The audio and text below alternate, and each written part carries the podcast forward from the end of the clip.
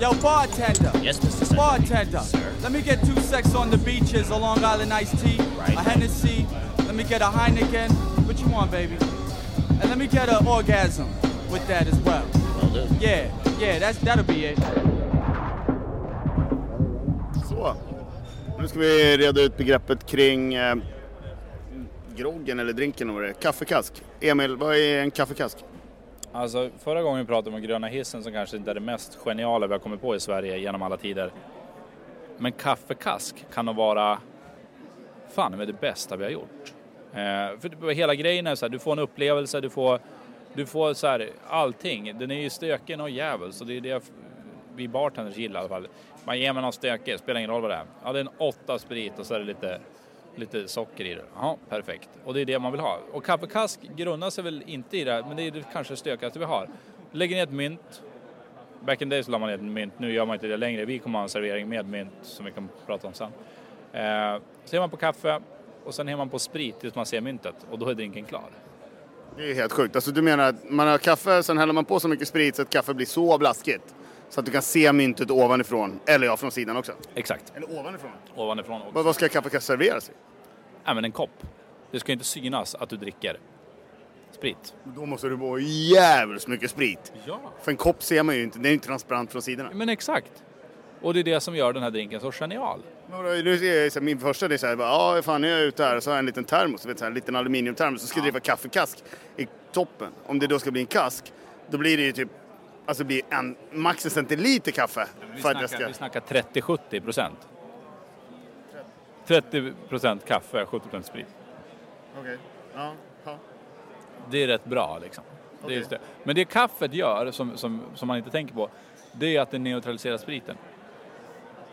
Så det blir inte så stökigt ändå. Du har ju, tänk att du har en bassprit, för det har du oftast. Du har oftast någon, någon slags vetedestillat eller typ, ja men bara någon jävla brännvin liksom. Som grund. Och det smakar... Typ så här Mange Bonds Purity Vodka liksom. Ja, hade du frågat Oscar Perrius hade han ju använt det. En normal människa som inte har samma månadslön som han hade ju använt typ brännvin. Eller Explorer eller något annat sånt här supermärke. Eh, som inte kostar så mycket. Om jag skulle ställa upp så här Purity Vodka här och Explorer bredvid skulle du kunna känna skillnad på dem? Ja, men faktiskt, det är en jävla skillnad. Vad tror du en vanlig människa skulle göra? Ja, men det tror jag. Alltså, jag tror att vi ska tro mer om, om folk, vad de har faktiskt för smaksinnen. Jag tror att vi ska... Jag tror inte man ska, man, man ska se ner så mycket på vad folk tror och tänker. För att den ena kommer ju känna finkel och den andra kommer faktiskt känna en härlig, så här, ganska avrundad sprit liksom, som faktiskt har en kropp att gå efter. Med både så här, vete och råg som kommer fram på ett ganska skönt sätt. Så det, jag tror att ja, men folk känner det. Folk känner att det, det smakar, smakar faktiskt någonting. Istället för att bara smaka, du vet så här. För många människor säger att ah, det är sprit, spritigt. Och vad är spritigt? Ja men det är ju bara att känna så här att det bränner till i halsen, att det är mest jobbigt och du känner inga smaker. Men med en sån vodka så känner du faktiskt någonting mer och det, det är inte så jobbigt för halsen utan du hinner känna någonting. För det är det som oftast är problemet. Du vet, så här, folk dricker whisky eller vad fan det nu kan vara.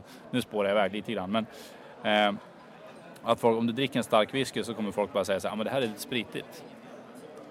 Och så folk säger så här, ja men tillsätt lite vatten, då får du ut mer smaker. Men om man ska se på det, vad det är, så är det väl enklare att förklara som så. Om du har ner lite vatten så spär du ju ner den, rent alkoholmässigt. Det blir lättare för halsen. Det spritar inte till så mycket och du börjar faktiskt utsöndra smaker och känna smaker själv för att du tänker inte på hur starkt det är. Ah, du tänker inte på hur starkt det är bara.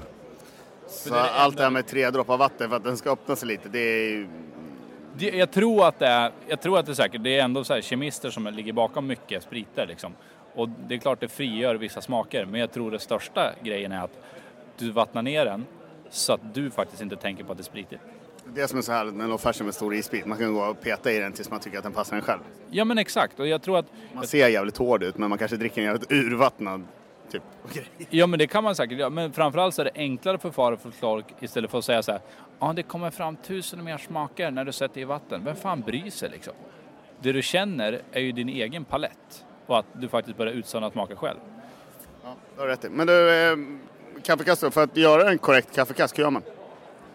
Om du skulle göra en så här hemma till mig, om jag nu skulle få äran att få komma hem till dig på middag. Ja, om du nu skulle få det, vilket du säkert kommer få någon gång. Eh, nej men bara kaffe. Det var ett lite dåligt moment här, men ja. Ja, nej men det är ett bra moment. Det är bara folk runt omkring som är förvånade. Eh, eh, lite kaffe. Mynt, Vilket, vilket kaffe?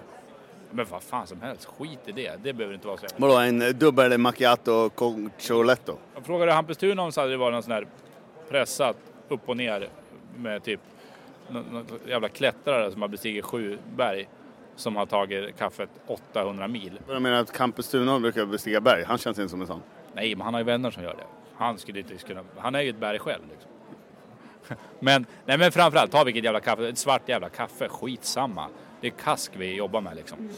Eh, ta det då hemma. Sen gömmer du myntet i, släng bara ner en krona mynt. Det är ju inte det fräschaste, du behöver inte använda ett mynt, kan använda vad fan som helst som ligger i botten. Helt på Kan du kaffet. ge ett annat tips här vad man skulle kunna använda istället för ett mynt? Ja, kan vi... Köp en ny skruv då.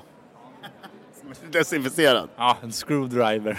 Eh, Screwdriver, det kommer, den drinken kommer jag älska. Men fan tycker du ska göra screwdriver i den här podcasten? oj, får jag välja vem man vill? Ja, du fick välja vem du vill. Oj, nu ska vi ta något riktigt cocktailgeni här. Eh,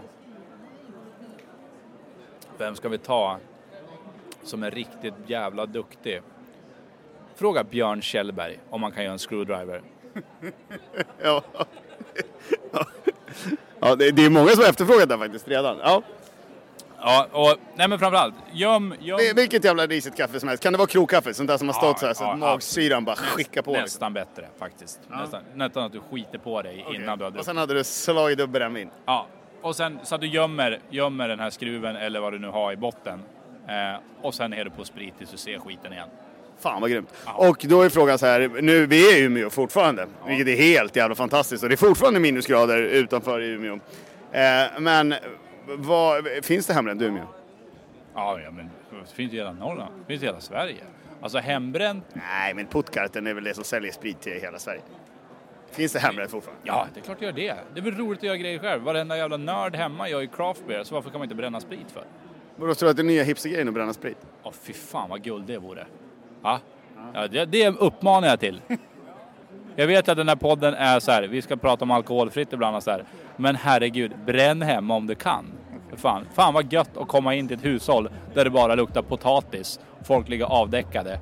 Nej, det, det är drömmen för mig. Ja, tack. Tack så hemskt mycket.